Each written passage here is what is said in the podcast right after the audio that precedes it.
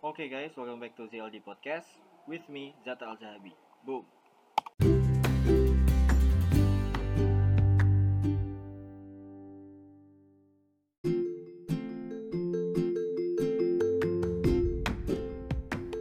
Alright people, ya selamat pagi, siang, sore, malam, dini hari, subuh, kapan pun kalian podcast gue ini, ya. Lagi di ZLD Podcast another episode ya. Dan terakhir gue sudah bicara-bicara meskipun agak ngalor tidur ya poinnya adalah kritik education system sistem pendidikan kita ya. Jadi kali ini ya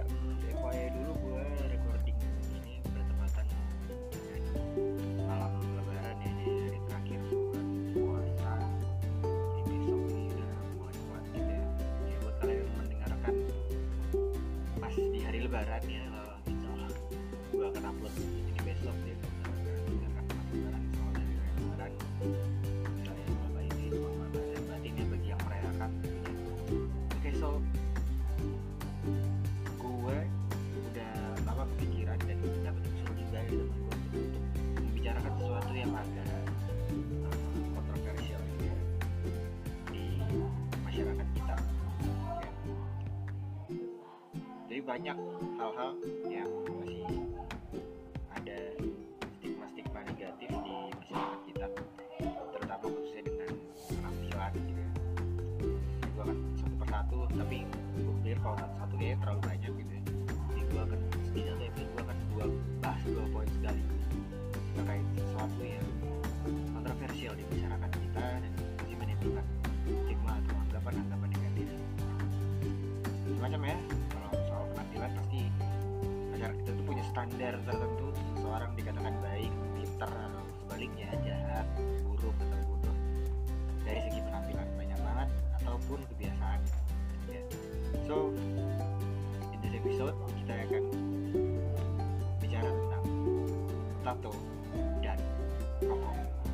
and cigarette oke. Okay. so we talk about this ya. Ini sebenarnya sudah bertahun-tahun ya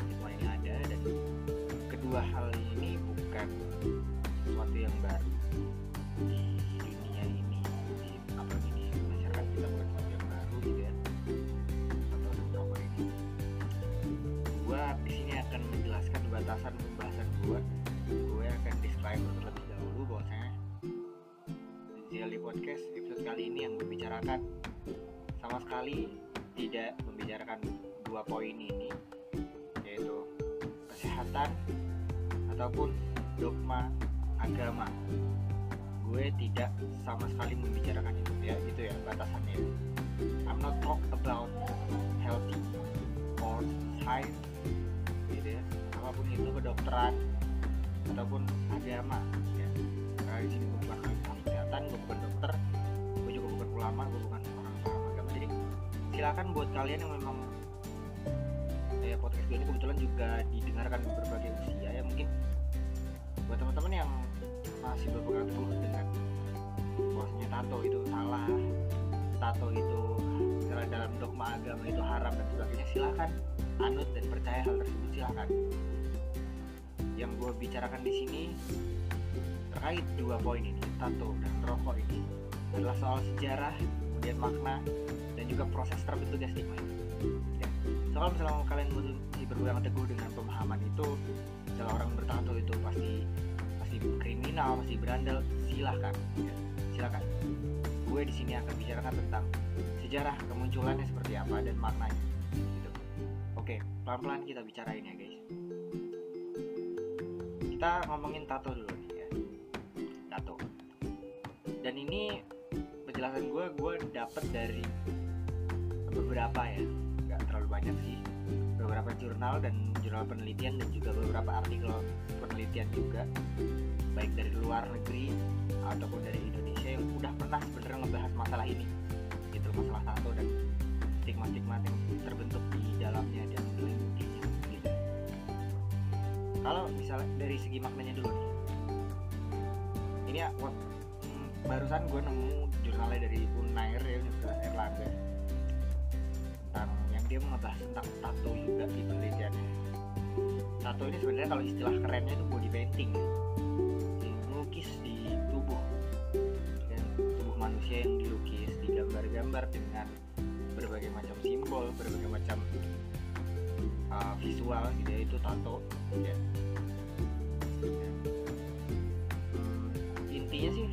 Body painting meskipun kalau body painting kita juga ngomongin kita ngegambar macan dulu SD di sama teman gitu. Kalau pakai spidol di di tangan di paha gitu kan suka ada tuh tato-tatoan. Itu juga tato sebenarnya. Problem itu tatonya ini yang permanen atau tidak gitu ya. Karena banyak juga tato-tato yang bisa hilang. Kan ada dulu tato-tato yang tempel kayak stiker gitu ya. Kalau dulu waktu SD itu tahun-tahun 2000-an tuh ada tuh tato. Yang banyak macan ada yang naga ada yang mobil. Jadi krok-krok dulu pakai koin biasanya. Nah itu juga tato sebetulnya. So it's about body painting. Intinya gambar yang di di apa ya bukan yang digambar ya. Maksudnya gambar yang ada di tubuh gitu. Itu tato yang dicetak di tubuh seseorang. So that's tattoo masalahnya ada yang temporer ada yang permanen. Nah kalau misal tato yang kita bicara di sini yang menimbulkan stigma negatif itu adalah tato yang permanen yang beneran. Jadi kalau definisi tato permanen itu itu dia masukin itu guys apa kayak pigmen atau tinta ke dalam pigmen gitu masukin. Jadi pigmen kita dirusak jadi masuk ke pori-pori itu masuk ke sel kulit tintanya. So that's permanen gitu. Karena dia nggak akan bisa hilang karena masuk ke kulit tuh masuk ke dalam itu yang tetap permanen. Jadi udah gitu ya guys atau adalah bentuk gambar atau objek yang ada di tubuh karena permanen dia sifatnya masuk dan merusak pigmen kulit. Jadi untuk sebuah objek gambar-gambar itu beneran ditempel ke kulit. Dan itu nggak akan bisa hilang. Sampai seumur hidup setahu gue ya. Nah, sejarahnya gimana? Ini tato ini sebenarnya guys ini udah dari zaman kerajaan dulu sejauh ini sejarawan yang paling jauh meneliti asal mula tato itu awalnya dari abad ke 17 ya. di era-era kerajaan Eropa dan Inggris pada waktu itu di mana para keluarga kerajaan itu menato tubuh mereka sebagai simbol kehormatan. Ya. simbol kehormatan kekuasaan tahtanya mereka itu dengan tato itu untuk melegitimasi. Bahwasanya gue nih ah, pangeran gue nih menantu raja misalnya. Itu ditato ke gue ya di abad ke-17 gitu. Dan ini awal mula itu berawal dari pelayaran waktu itu seorang penjelajah namanya James Cook. Ya, dan segerombolan pasukannya di abad ke-17 yang akhirnya dia ini ber- berlabuh di Polinesia. Ya. jadi awalnya tato itu digunakan untuk simbol dari kelas atau status sosial. Jadi semakin banyak tatonya seorang itu tandanya dia kelasnya semakin tinggi di masyarakat gitu misalnya saudagar kaya budayanya kalau misalnya dia udah kaya dan dia udah punya banyak materi udah punya banyak properti dan udah banyak kekuasaan apalagi tadi yang gue bilang misalnya dia keluarga kerajaan itu dia akan menato kulitnya menato tubuhnya dengan entah kalau zaman kerajaan itu ya simbol-simbol angka-angka Romawi atau hewan-hewan tertentu yang melambangkan kekuatan dia sebagai raja, ratu atau pangeran gitu. Supaya itu simbol kekuatan dan kekuasaannya dia. Itu ya guys. Awal mulanya tato adalah simbol kekuasaan, simbol kehormatan. Maybe kalian berpikir gitu ya, gue juga bertanya-tanya kenapa sekarang di stigmatisasi, sebagai sesuatu yang negatif, sesuatu yang buruk. Itu ada orang bertato juga pasti oh dia anak pang anak berandalan dia pasti bandel dia pasti yang mabok-mabok. Nah stigmanya gitu kan kalau orang bertato tuh pasti ya. Kalau orang bertato tuh kaitan sama mabok narkoba perampok jom apa jambret begal copet apa pun lah ya pembunuh gitu. Kenapa bisa kayak gitu ya? Nanti kita akan bahas satu persatu. Ya itu awalnya di abad ke 17 ya. jadi mereka sebenarnya tato ini cara mereka untuk menyampaikan pesan. Artinya itu tanda kekuasaan. Gitu ya pesan medianya adalah tato yang dicetak di tubuh gitu. Gambar di tubuh secara permanen gitu. Nah kemudian kalau seiring berjalannya waktu ya nah ini ada artikel dari bbc.com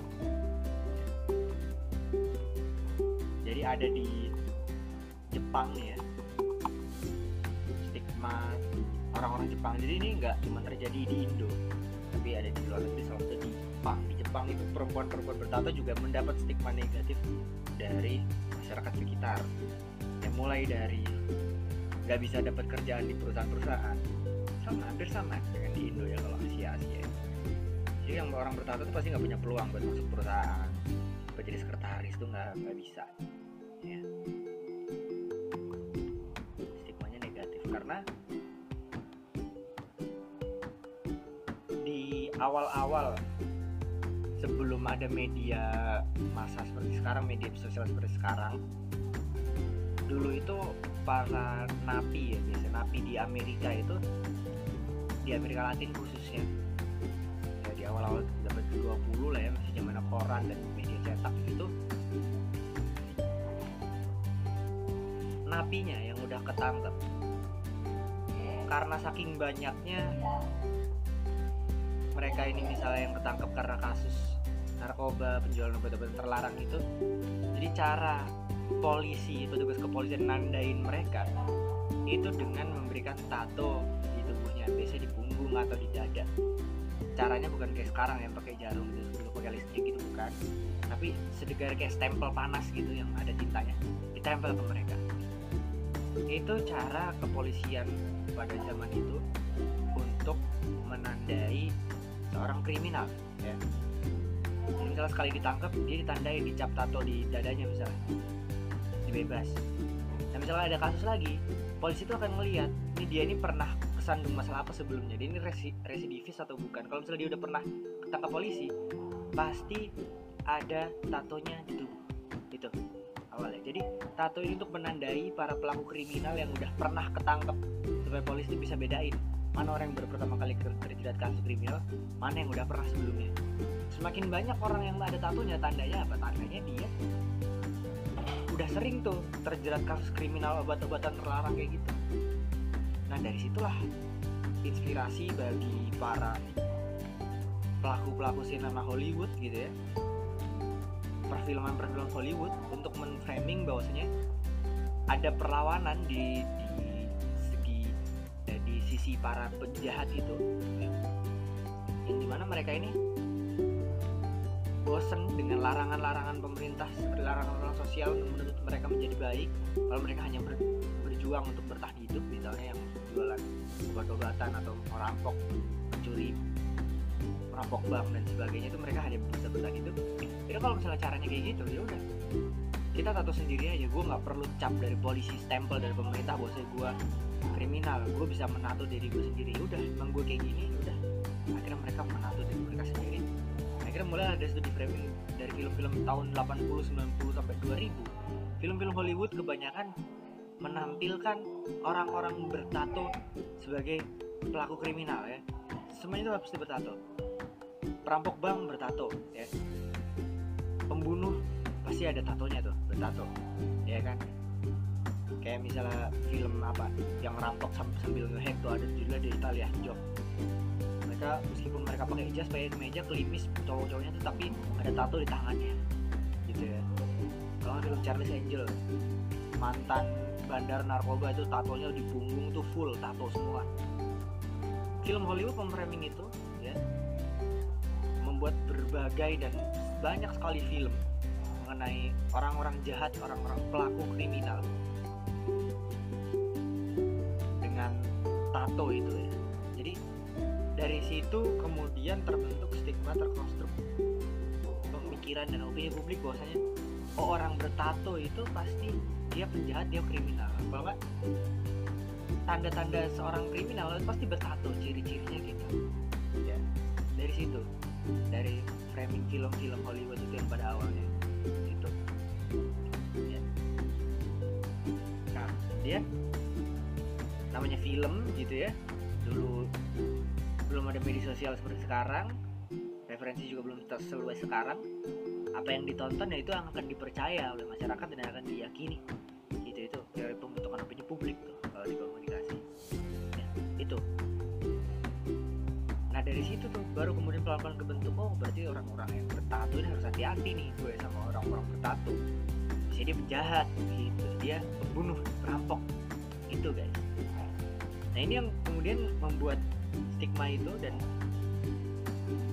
dari stigma negatif itu kemudian pelan-pelan muncul perilaku diskriminatif ya. Perilaku nggak adil banyak yang mengejudge orang dari penampilan dan bahwa sekarang perkembangan itu luar biasa. Tato itu nggak cuman karena itu udah dari puluhan berapa? Ratusan tahun yang lalu bahkan ya. Abad ke-19 sampai abad ke-17 berarti. Sekarang abad ke-21 dan 400 tahun. Jadi makna itu pasti berubah sering dengan berjalannya waktu. Dari awalnya tato itu misalnya di di Amerika Latin dulu sebagai tanda ngecap kriminal yang udah pernah di penjara sebelumnya. Sampai sekarang itu pasti beda.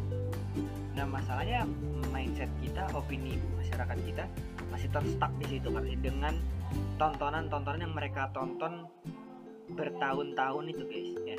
Dari film-film Hollywood itu. Oh bahwasanya orang bertato tuh pasti dia mafia nih preman nih penjahat nih begal rampok pembunuh perampok bank dan sebagainya gitu. Pemerkosa apalagi jadi jelek tuh stigma orang bertato jadi ya itu menimbulkan diskriminasi dan prasangka buruk terus kemudian apa ya, menjudge orang dari penampilan. Dan itu yang kemudian jadi kebablasan sampai sekarang. Sekarang perkembangannya kalau masuk ke abad ke-20 katanya James Fisher salah satu peneliti dari Amerika itu tato ini sekarang udah jadi bahan komersil yang diperjualbelikan guys. Karena karena tato tuh jadi bernilai seni gitu karena ada seninya itu karena kan gambar ya kan seni visualnya tuh dapat banget. Dan orang peminat tato meskipun sangat sedikit ya ya nggak terlalu banyak gitu karena masih banyak yang beranggapan negatif tentang tato. Tapi itu ada nilai seni di situ dan itu akhirnya diperjualbelikan banyak galeri-galeri tato kemudian melayani jasa membuat tato dan sebagainya. Nah itu aspek itu itu yang nggak dilihat tuh sama masyarakat kita sama masyarakat Jepang juga. Dan kayak perempuan bertato nih pasti kerjanya di klub malam. Pasti kerjanya jadi uh, wanita di tempat hiburan mantap yang nemenin di tempat-tempat hiburan malam karaoke gitu. Itu pasti tipe aja orang Jepang juga. Ada yang seperti itu. Even negara semaju Jepang masih punya stigma kayak gitu. Jadi nggak cuma masyarakat kita ini problem karena ya itu tadi karena power of framing gitu ya. Framing medianya itu dari film-film itu yang menggambarkan seseorang yang bertato itu adalah kriminal gitu. Tuh jadi padahal sebenarnya makna tato itu udah berubah jauh berubah drastis dari zaman ke zaman gitu ya. Tetap udah 400 abad atau 200 abad sekian setelah berlalu itu pasti makna tentang tato dan arti tato itu juga berbeda di mata orang-orang pelaku-pelaku orang yang membuat tato gitu.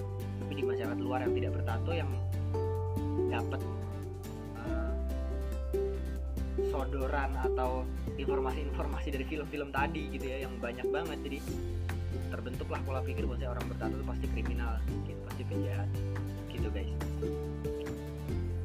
Ya itu di film mungkin ya. Di film mungkin boleh aja kita beranggapan kayak gitu gitu misalnya. Oh ini mafia yakuza. Ciri-cirinya dia ada tato di punggung misalnya simbol yakuza. Kalau ini, ini mafia Rusia nih pasti dia bertato semua di leher tato semua tuh kalau mafia ya mungkin di film begitu konsepnya. The problem is masalahnya kalau kita tarik itu ke dunia nyata apakah itu akan bener ya kan? Relevan gitu kan nggak juga ya. Ya mungkin kita bisa lihat kalau di di masyarakat kita di sekitar kita kita bisa anak-anak pang misalnya yang badannya penuh dengan tato gitu. Yang banyak banget tato di tubuhnya itu pasti orang. Terutama masyarakat kita yang kolot gitu ya. Pemikirannya maksudnya yang tua ya bukan muda nggak nggak harus sih. Biasanya pemikiran yang tua yang pasti udah beranggapan negatif duluan kalau melihat anak pang misalnya. Yang dia tindikan baju hitam kumuh gitu terus celana robek-robek atau banyak pasti udah beranggapan negatif duluan. Ya maksudnya kalau misalnya lu mau waspada dan lu mau berhati-hati silahkan. Misalnya lu diri sendiri ya lu berhati-hati dengan orang-orang seperti itu. Tapi jika lu menjudge gitu itu menurut gue udah nggak adil gitu. Ya anak pang itu sebenarnya guys. Gue juga pernah uh, bikin satu berita yang ngangkat tentang tema anak pang. Dan gue mau wawancari tiga orang anak pang gitu ya. Tiga, ada lima sebenarnya. Yang tiga itu masih anak pang. Yang dua itu dia udah istilahnya udah udah nggak jadi anak pang lah udah pensiun dari dunia anak pang gitu udah ada yang udah jadi tentara dan ada yang udah berkeluarga gitu. Jadi dia dulu pernah merasakan hidup di jalanan sebagai anak pang gitu.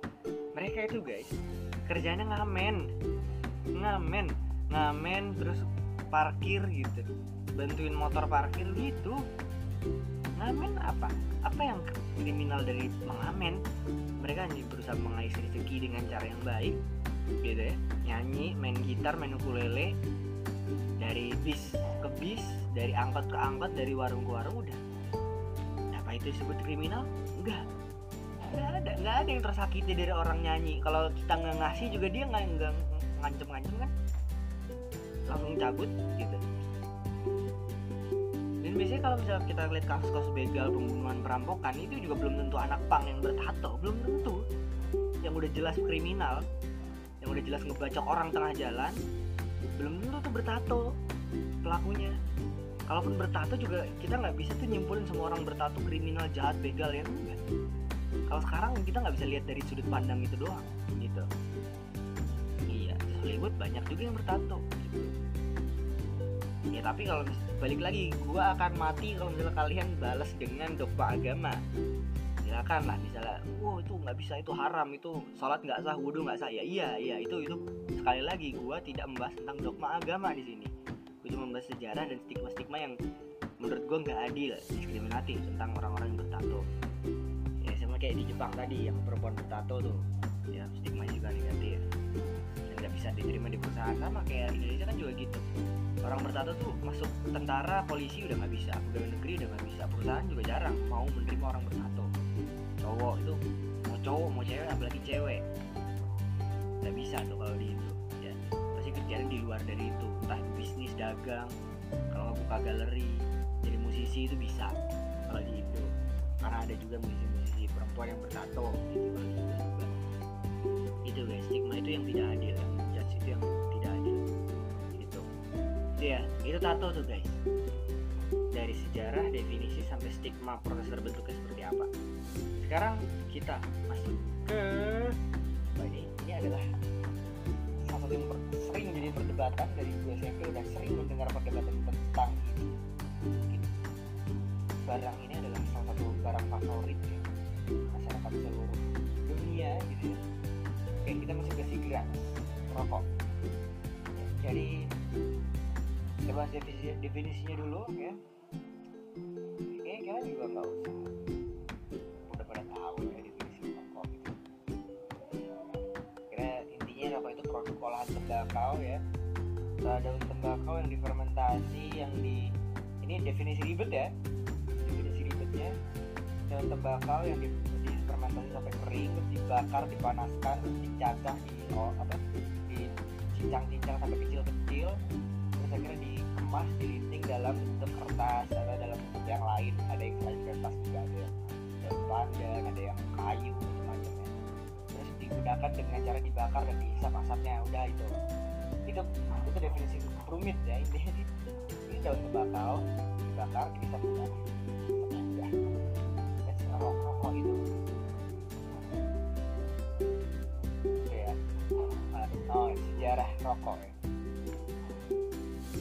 sejarawan sejauh ini belum tahu pasti pertama kali rokok ini diperkenalkan atau diciptakan tapi kalau di Indonesia itu masyarakat Indonesia pertama kali mengenal rokok ini bener juga ya guys ini kita sejarah yang bisa aja salah gitu masyarakat Indonesia pertama kali mengenal uh, olahan tembakau lintingan yang dihisap oleh uh, dari para pedagang dari Eropa yang waktu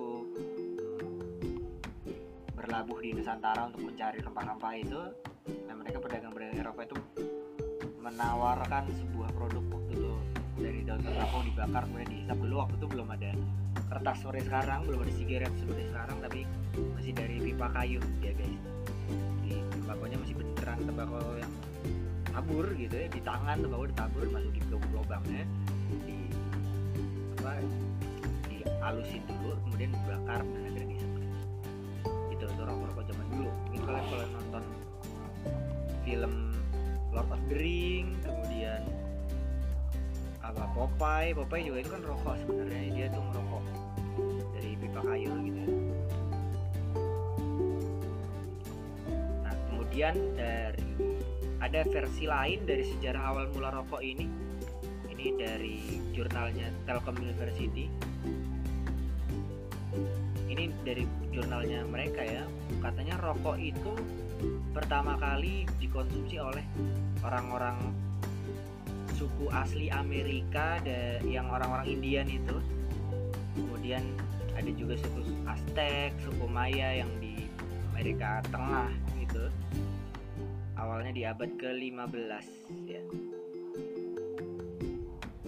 Jadi awalnya mereka itu udah tahu nih ada tanaman namanya tembakau ini.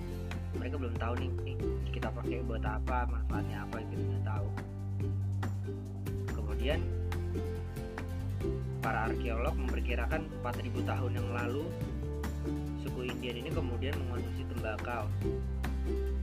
Dengan untuk pengobatan alternatif dengan cara dibakar. Jadi awal ini untuk pengobatan guys ya mengobati masyarakat-masyarakat yang sakit karena hipotermia karena perubahan cuaca perubahan suhu.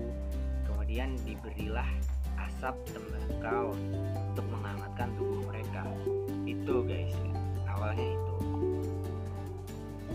Dan berkembang terus menerus sampai ke masuk ke Indonesia dilihat rumah Indonesia.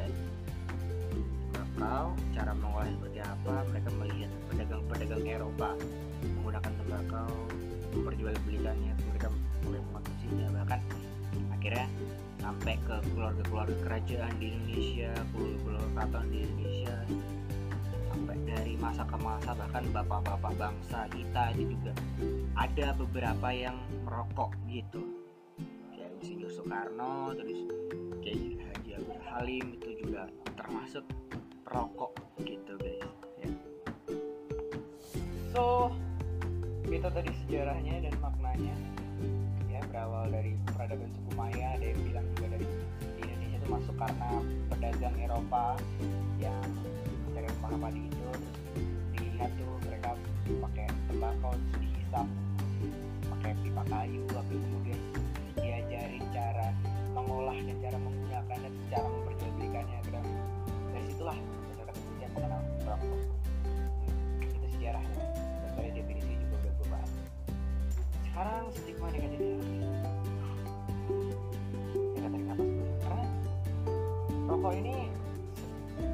sesuatu yang complicated. Dan, dan susah juga ini mau ngebedain yang benar dan yang salah lebih susah bahkan dari tato yang tadi. Uh, selama ini kita di branding oleh media mainstream ya TV TV sebenarnya awalnya enggak. Kayak peraturan undang-undang penyiaran itu kalau salah baru melarang penayangan atau diperlihatkannya orang yang merokok di TV itu baru tahun 2008 baru 2008 undang-undang penyiaran itu baru disahkan yang melarang orang merokok di TV jadi nggak boleh. Makanya kalau kalian lihat iklan rokok di TV TV kan kadang nggak pernah nampilin orang merokok kadang nggak nyambung juga rokoknya biasanya disambung-sambungin sama taste rokoknya sih. Kalau misalnya janggaran filter tuh pria punya selera tuh biasanya orang yang naik gunung naik tebing terus menjelajah hutan. Amazon yang ekstrim-ekstrim karena itu rokok yang hard yang smoke yang keras gitu ya. Rokok-rokok panas. Kalau rokok-rokok yang menengah rokok sampurnamil itu biasanya iklannya anak-anak muda yang fashionable yang visioner yang kerja di kantor gitu. Karena itu rokok yang menengah yang agak enteng kalau rokok-rokok dingin biasanya mah animasi. Animasi ada beruang kutub kalau nggak ada orang animasi gitu. Bentuknya manusia salju terus tau bagus LA mental crash out ice LA ice gitu. Atau biasanya kalau rokok-rokok dingin itu juga orang-orang yang di laut gitu disesuaikan sama taste rokoknya konsep iklannya tapi tidak pernah menampilkan orang yang merokok yaitu karena memang dilarang oleh regulasinya di Indo gitu. Ya jadi framing sama itu kayak semacam ya, kampanye-kampanye udah banyak ya. Dan gue perlu kalian tahu di sini gue juga bukan untuk membenarkan sebagainya. Karena ini gue bicara dari perspektif medianya ya itu media sangat membantu dalam hal framing. Kayak ya rokok bukan A, B, C, dan D gitu ya. Supaya tujuannya supaya masyarakat tidak merokok. Gitu. Nah masuk ke stigmanya ini kita dari kecil diajarkan seperti itu ya dari SD, SMP, SMA kan dilarang untuk nggak boleh merokok ya. Kalau dulu SMP gue SD yang merokok tuh mesti langsung dibotakin langsung di SD satu gitu. Tua macam-macam dilarang gitu jadi untuk tidak merokok gitu. Jadi ya kalau misalnya ada anak sekolah yang masih ngerokok mesti cek mainnya udah negatif udah jelek. Jadi biasanya berkeluar-keluar melarang anak-anak uh, sekolah untuk merokok itu yang di sekolah ya. Kalau kita bicara konteks sekolahnya itu yang berkeluar-keluar yang ceramah adalah gurunya ya. Gurunya tuh biasanya. Itu guru cowok gitu ya merokok. Kadang kadang kalau SMP gua ada yang jewer ada yang tab tablok gitu loh tampar pakai tangan plak. Bisa ketahuan bawa korek bawa rokok gitu loh. Gituin ini kan problemnya adalah kalau bagi gua pendidikan itu itu ya mendidik membina gitu. Orang yang tadinya tahu jadi nggak tahu dan tadinya buruk jadi baik gitu. Tadinya nggak paham jadi paham kalau misalnya edukasi ya monggo monggo aja edukasi tentang rokok dari segi kesehatan. Gitu ya. Di awal gue udah jelasin gue tidak akan bicara tentang kesehatan di sini. Gitu. Tapi yang nggak pas adalah ketika saya kasih contoh itu aja. Ketika larangan merokok ini hanya sekedar aturan tertulis dengan formalitas. Misalnya anak sekolah tidak boleh merokok ya silakan. Juga tidak pernah mengajak juga gitu ya.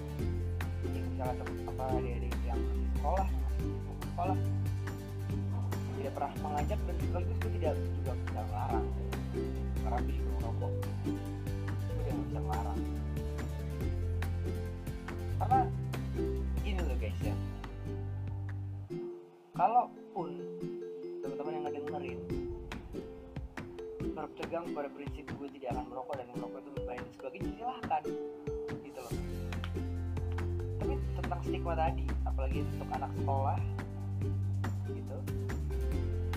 Apalagi tadi ya supaya imbang nih kita akan bahas juga. Tadi kita udah bahas stigma perempuan Jepang yang bertato sekarang coba. Perempuan yang merokok. Dan juga ada banyak stigma terutama di Indonesia. Kalau dari segi kesehatan ya udahlah silakan. Kalian berargumen yang paham kesehatan yang monggo silakan berargumen. Silakan bicara tapi di sini gue akan bicara stigmanya. Stigma itu tadi. Ya. wah ini anak bandel nih merokok sekarang. Kan gitu sih orang ngomongnya wah ini anak nakal nih merokok nih sekarang. Ah pergaulan merokok yang terapin itu bawa bapak ngerokok juga lagi depan. Bocah. Sama aja tapi sama-sama ulah enggak enggak gitu guys. Gitu ya. tergantung outputnya kayak gimana sih kalau gue ya. Kalau misalnya dibilang rokok membunuh orang-orang sekitar kita ya tinggal menjauh aja. Orang sekitar jangan merokok jangan merokok jangan merokok dengan kecil. Itu itu aja. Itu sih kalau tuh simpelnya kalau mau berpegang teguh dengan prinsip tidak akan merokok tapi pesan gua buat temen-temen yang kalian nggak ngerokok jangan terlalu ekstrim menentang dan jangan terlalu ekstrim anti. Kalau misalnya kalian bilang anti dan sebagainya teman gua seperti tidak cerita sama teman gua komentar dari seseorang di medsos Instagram yang katanya dia ini dokter yang bicara tentang karena waktu itu sempat heboh berita apa Oktober 2022 itu kenaikan cukai tembakau ya biasanya kenaikan cukai yang jadi dia ini komen intinya. Mendukung pemerintah menaikkan harga cukai kalau itu tinggi tingginya supaya jumlah rokok berkurang itu ngebahas datanya begini begini begini dari sisi kesehatan. It's okay. Itu benar dari perspektif dia sebagai orang yang mungkin menguasai ilmu kesehatan. Kedokteran mungkin ya nggak apa-apa. Tapi dari perspektif lain kita buka mata nggak sih kayak kenyataannya bahwasanya Indonesia adalah home of top 4 global cigarette company in the world. Indonesia adalah rumah empat perusahaan raksasa rokok di dunia. Buka mata nggak sih soal itu? Misalnya yang sering keluar-keluar kesehatan soal rokok gitu ya, stop rokok, eh, stop produksi rokok. Buka mata nggak ke sana? Empat perusahaan rokok gede itu yang menyumbang tiap tahun 39,8 triliun untuk pajak negara. Buka mata nggak situ kira-kira? Buka mata nggak kira-kira buat di daerah eh, Lumajang dan kaki gunung Ungaran, kaki gunung Perahu, kaki gunung Slamet itu semuanya kawasan pertanian tembakau ya. Itu yang bekerja sa- ratusan ribu petani tembakau yang mereka menggantungkan hidup dari tembakau. Buka mata nggak ke situ kira-kira kalau ini? Sebenarnya gue juga nggak mau siapa siapa tadi pesan gue di awal jangan terlalu anti jangan terlalu menentang guys itu aja. Kalau misalnya nggak mau ngerokok ya silakan. Jangan terlalu anti dan menentang. Kalau misalnya kalian menentang keras menentang anti habis-habisan itu kali itu kalian tuh udah nyerang tadi tadi tembakau perusahaan tembakau semuanya tuh pekerja pekerjanya yang di dalamnya yang yang di bagian linting bagian packaging semuanya kalian serang tuh. Rokok itu ini ini itu kena semua. Gitu. kalau misalnya mau jelasin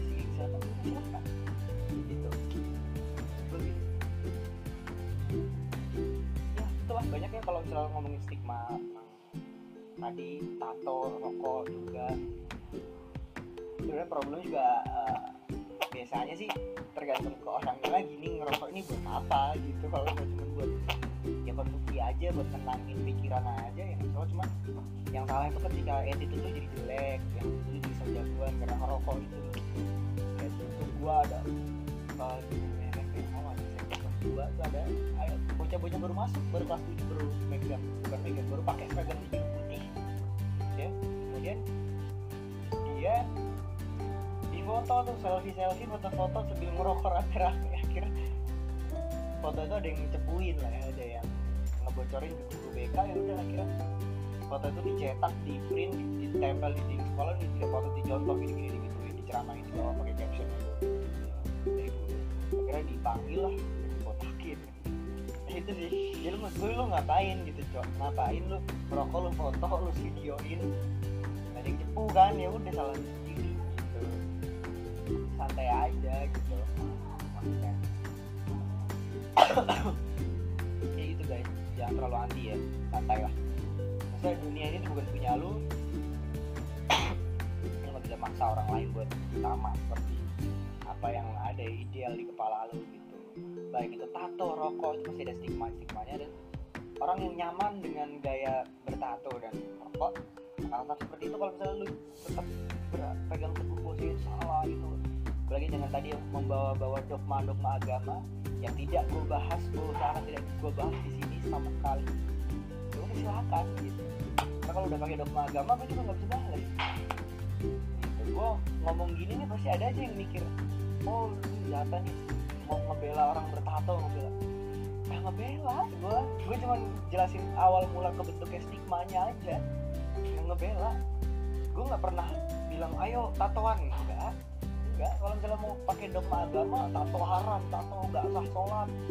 Ya silakan gue gue nggak ada nggak akan menyangkal itu. Kalau misalnya ada yang bilang tato berbahaya kesehatan merusak tubuh merusak janin merusak jantung paru-paru. Udah silakan nah gue bahas di sini gue cuma bahas sejarahnya awalnya faktanya awal terbentuk persepsi stigmanya dan yang itu yang membuat tindakan diskriminatif yang enggak pas gitu enggak proporsional tadi. Kalau yang dari tato menjudge orang sebagai kriminal karena hanya karena, karena dia bertato menjudge seseorang itu buruk karena dia bertato sama yang merokok menjudge orang nakal jelek karena dia bertato gitu. Itu sama-sama menjudge dari penampilan dan dari satu kebiasaan. Dan kita nggak tahu sepenuhnya dia itu seperti apa gitu. dari satu kebiasaan menurut kita jelek kita judge dia itu jelek gitu. Nah, btw Soekarno atau Soekarno kan guys Ir Soekarno pendiri bangsa kita ngerokok loh guys Haji Agus Salim intelektual wakil delegasi konversi tingkat tinggi ASEAN dan konversi Asia Afrika tahun 1946 1948 hafal 9 bahasa asing Kiai Haji Salim merokok juga. Ya. Sultan Syahrir delegasi ASEAN juga. Intelektual muda itu wakil KTT ASEAN dan konversi Asia Afrika 1948 1949 merokok juga. Jadi kalau misalnya kita mau buka mata sebenarnya kita mau jadi manusia yang membuka mata lihat realita kita nggak akan gampang ngejudge sebenarnya. Masih ada sebenarnya orang gampang ngejudge ini ya tutup kuping gitu. Karena karena kata temen gue realita itu tuh kadang pahit ya jadi kadang orang tuh pengennya yang manis-manis doang jadi tuh mereka nggak mau melihat realita nggak mau melihat kenyataan karena itu pahit buat mereka. Melihat orang bertato nggak bisa terima ya kan? Tato jelek nih. Orang rokok nggak bisa terima gitu. Lihat cewek bertato nggak bisa terima jadi itu. Padahal poin terkenyataannya di sekitar kita banyak gitu di dunia banyak oke ya segitu dulu guys episode kali ini. Oh udah 40 menit. Kirain masih nah 20 menit ya. Nah sekian episode kali ini ya. Thank you buat kalian yang mendengarkan dari awal sampai akhir. Bebas kalian berkomentar apa pun di sini. Silakan yang nggak setuju monggo. Silakan DM gua Instagram apa pun ya. Bisa misalnya kalian upload video balasan untuk episode ini juga bisa ya terserah kalian setuju nggak setuju silakan. Pro kontra itu diperlukan untuk uh, ada pertukaran pikiran ada perkembangan gagasan itu harus ada pro kontra. Oke gitu guys. Ya episode kali ini nanti akan ketemu lagi di episode episode berikutnya kita akan bahas tema-tema yang kontroversial lagi. Jadi gua akan upcomingnya itu ada salah satu tema yang kontroversial juga di masyarakat kita yang akan gua bahas. Pastinya akan menarik dan seru banget pastinya ya. sampai ketemu lagi di, episode berikutnya guys di GLG Podcast. Hanya di Spotify ya. Oke guys. Gue Zata Al thank you. See you in the next episode. Bye